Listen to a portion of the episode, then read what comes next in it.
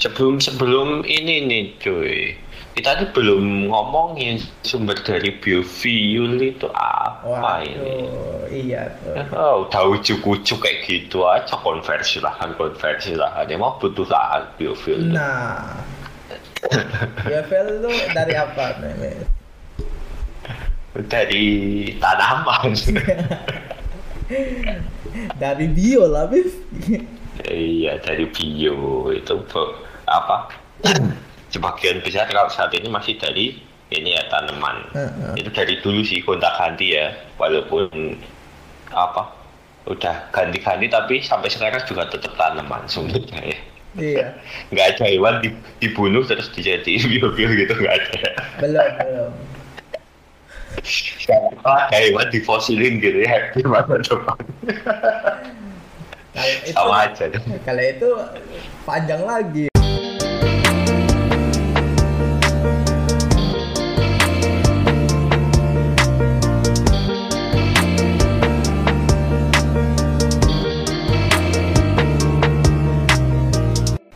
Selamat datang di Jasa Training Podcast. Bersama saya Punta dan rekan saya. Miftah. Mita, eh, di jasa tadi podcast ini kita akan berbincang-bincang mengenai apa saja. Jasad. jasad ini kita yang kita bincang ini. Iya, jasad. Berarti Iya kan? tentang bio-bio gitu, bioscience. iya jasad bio-bio ini yang kita mau bicarain hari ini nih Nah, khusus sound ini Ini episodenya. khusus episode kali ini kita ngomongin jasad yang sudah menjadi jasad yang sudah jasadnya nggak berbentuk jasad lagi. iya jasadnya ini para pendiri Oh, dunia. ini introduction dulu lah introduction dulu Iya, gimana, belakang. gimana? Eh, jadi jadi kan eh, belakangan ini tuh marak nih apa pe- penggunaan energi alternatif weh. karena Hmm. pertama krisis energi gitu kan wes terus mengurangin dampak emisi karbon gara-gara masalah nanti jadinya global warming terus jadi Uh, warning Uh, jadi beberapa sumber energi, sumber fuel apa ya, bahan bakar itu diganti menjadi bio.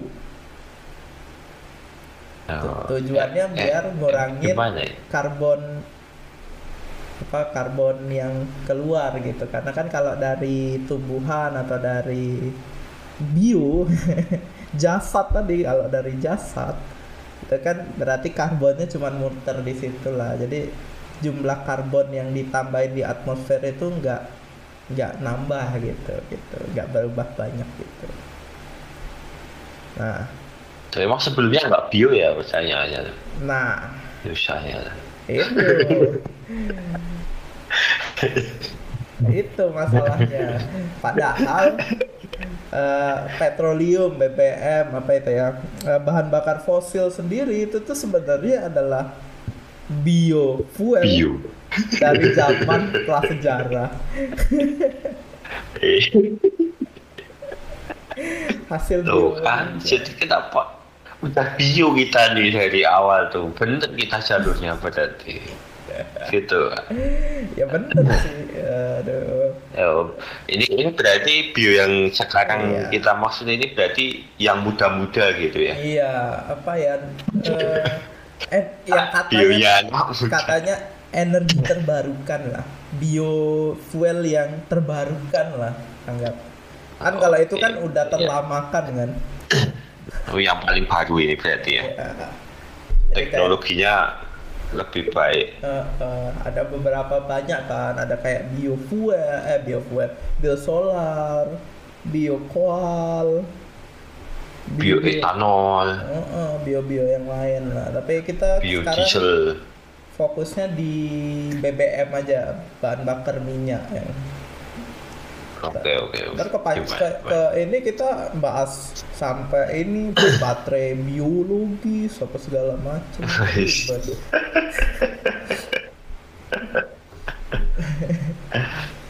Gimana gimana Nah, tentang bio minyak nih, wes. bio oil berarti ya. Iya, bi- bio bahan bakar bio apa ya? Bahan fuel bio fuel Biofuel. Nah, Nah, eh, apa namanya? Belakangan ini kan sering nih dibumingin gitu. Bahkan Indonesia sendiri di di bawah ini apa kepemimpinan Bapak Presiden kita Joko Widodo juga meng, Wow. me- me- apa ya mengakselerasi untuk Ma- penggunaan biofuel ini dalam bentuk biosolar. Menggalakkan. Dalam bentuk biosolar kan. Sekarang kan katanya uh, ke depannya mau 100% biosolar kayak gitu.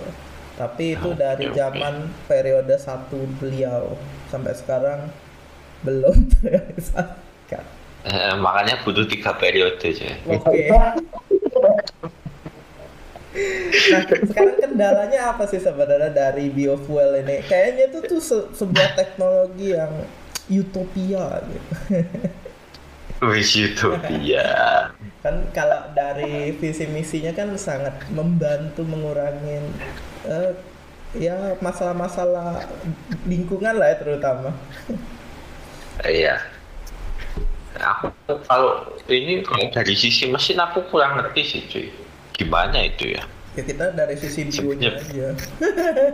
Oh kita dari sisi bionya aja. Berarti masalah produksinya nih atau Iya. dia bisa menggantikan apa enggak sebenarnya iya kan? nah itu itu kalau dari dulu sisi aja. mesin itu. Ya kan kita kita kan di sini di jasa training podcast kan berdasarkan sudut pandang kita nggak peduli sudut pandang orang. Oh gitu. Iya kalau sudut pandang orang nanti bikin podcast sendiri aja orang aduh kita bukan orangnya terus iya maksudnya orang lain. Oke oke oke. Jadi apa cuy Gimana? kalau itu? Eh, kan kalau Se- secara fungsi bisa menggantikan belum sih? Belum 100% bisa kan itu? Ya kalau secara fungsional belum 100% bisa. Kendalanya kendalanya sih banyak gitu tapi yang paling disorot sih dua sih kalau kendala tuh ya dari segi yang pertama konversi lahan konversi apa konversi antara pangan perebutan lahan untuk pangan dan energi. Yang kedua sih cost. Sejauh ini ya yang paling gede sih masalahnya itu. Oke oke oke. Sebelum sebelum ini nih cuy, kita tuh belum ngomongin sumber dari biofuel itu apa ini? Waduh, iya tuh. Oh, udah ujuk-ujuk kayak gitu aja konversi lahan konversi lahan. Emang butuh lahan biofuel. Nah, biofuel itu dari apa nih? Dari tanaman. Dari bio lah, Bif. iya dari bio itu apa?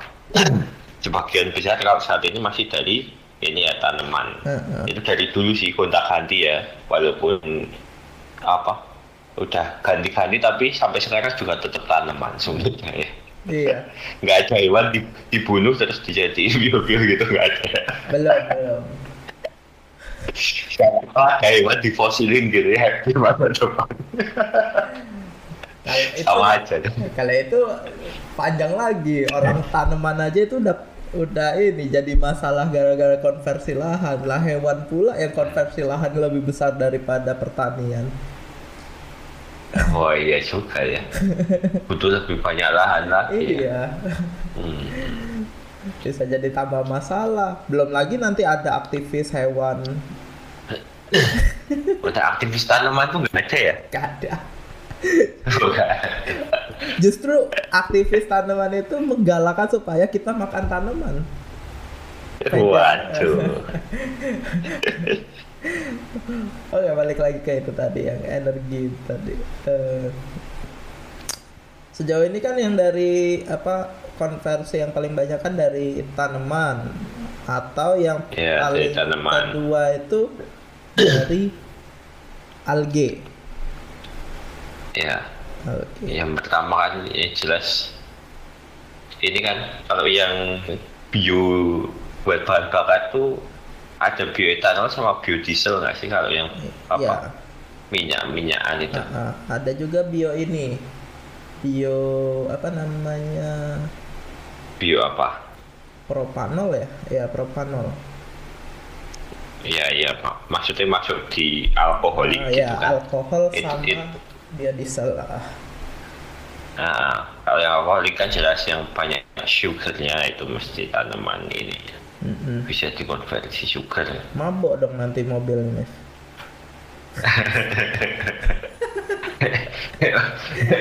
kalau nggak mampu nggak jalan deh kayaknya.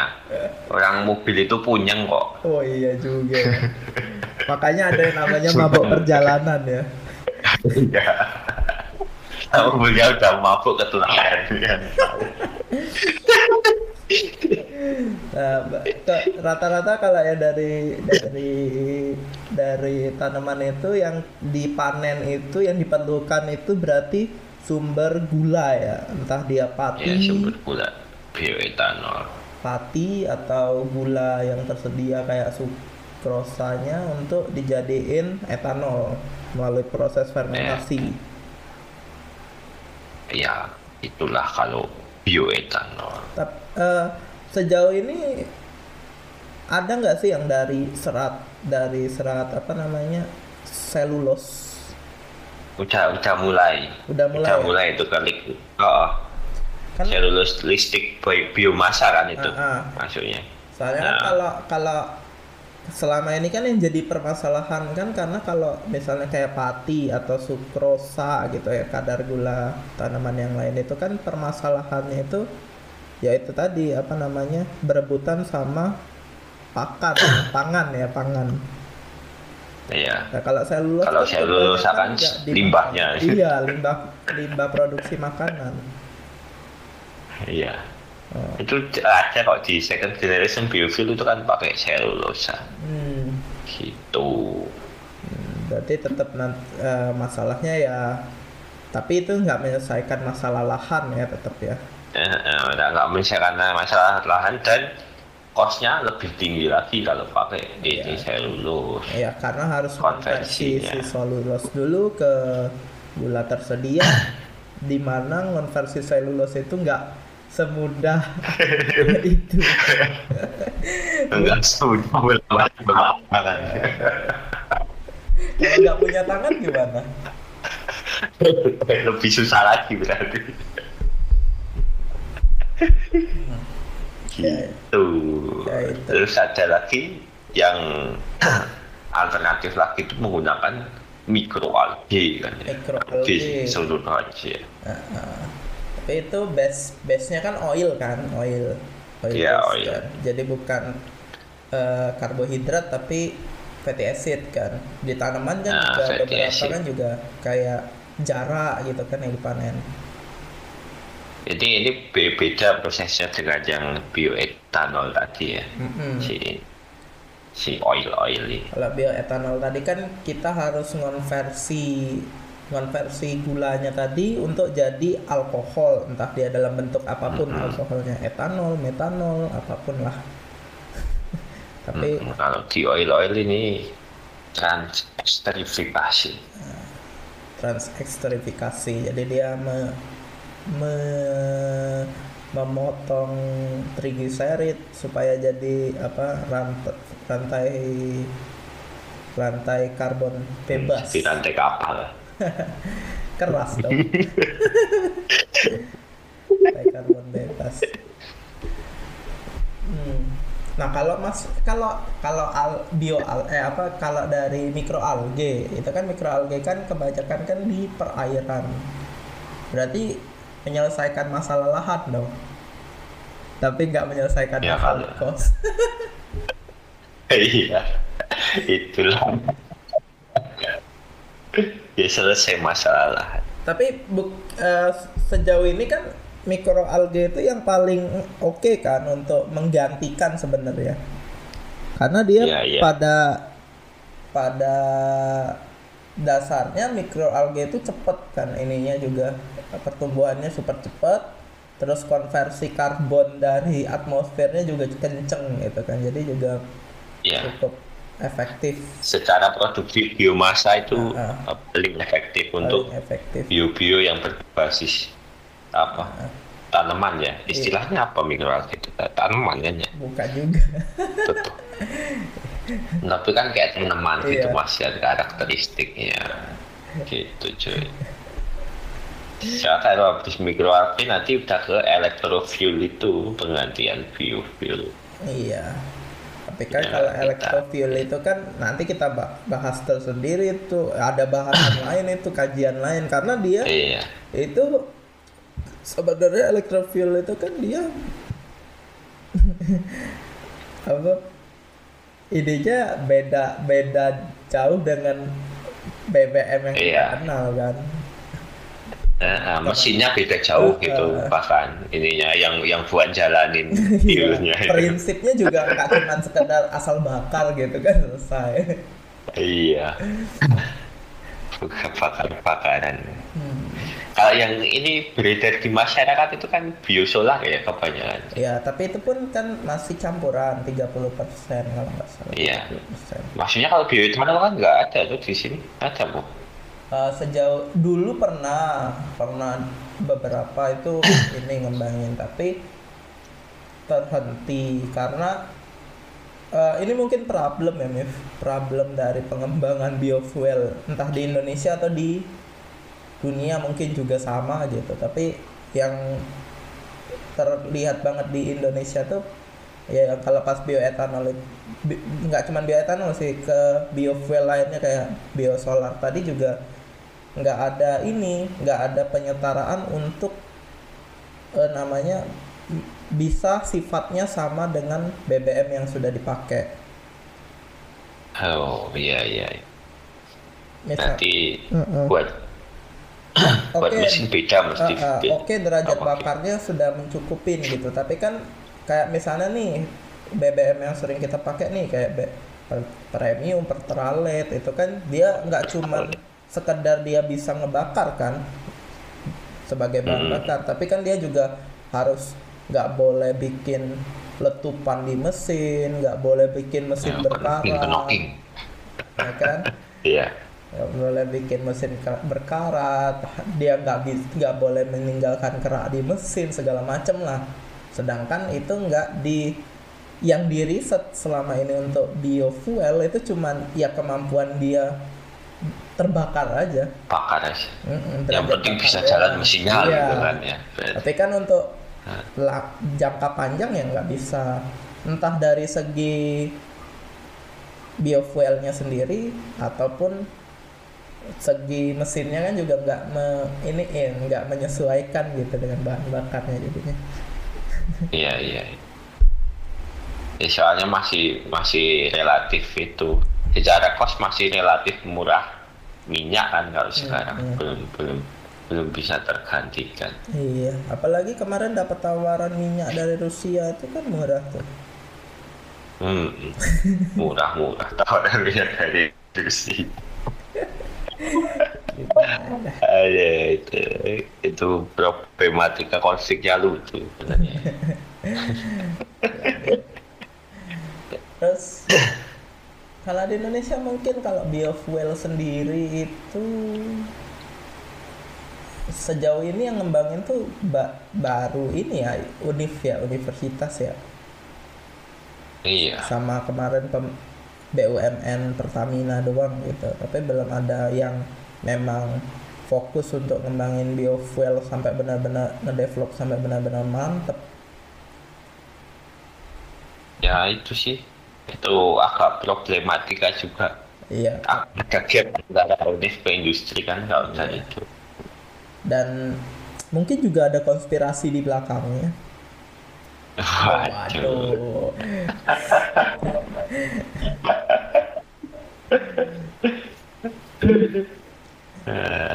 Tapi kan kayak aku kan pernah ngerjain project tentang itu kan eh, biofuel dari alge kan. Nah yang jadi Iya. masalah di di industri itu ya pasar sih. hmm, kita nggak mau pakai gitu ya. Iya pasar, pasar nggak mau pakai ya karena ya tadi costnya lebih lebih besar. Itu. Tapi sebenarnya Iya. kalau costnya lebih besar itu ya karena memang produksinya kan masih skalanya belum banyak gitu ya.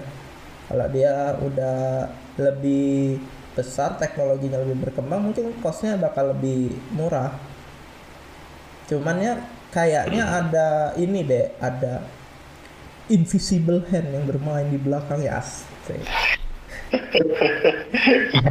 jadi cukup susah nembusin biofuel ke marketnya ini nih Eh, kayak biosolar itu biosolar dari bio algae eh dari algae algae oil itu ke market bio biosolar itu susah banget Hmm. Ya soalnya di Indonesia sih masih semi semi semi monopoli gitu sih ya. iya waktu itu sih kan proyekku bukan di. Indonesia jadi Oh, sama gitu. aja dong Iya iya iya. Ya, siapa tahu gitu.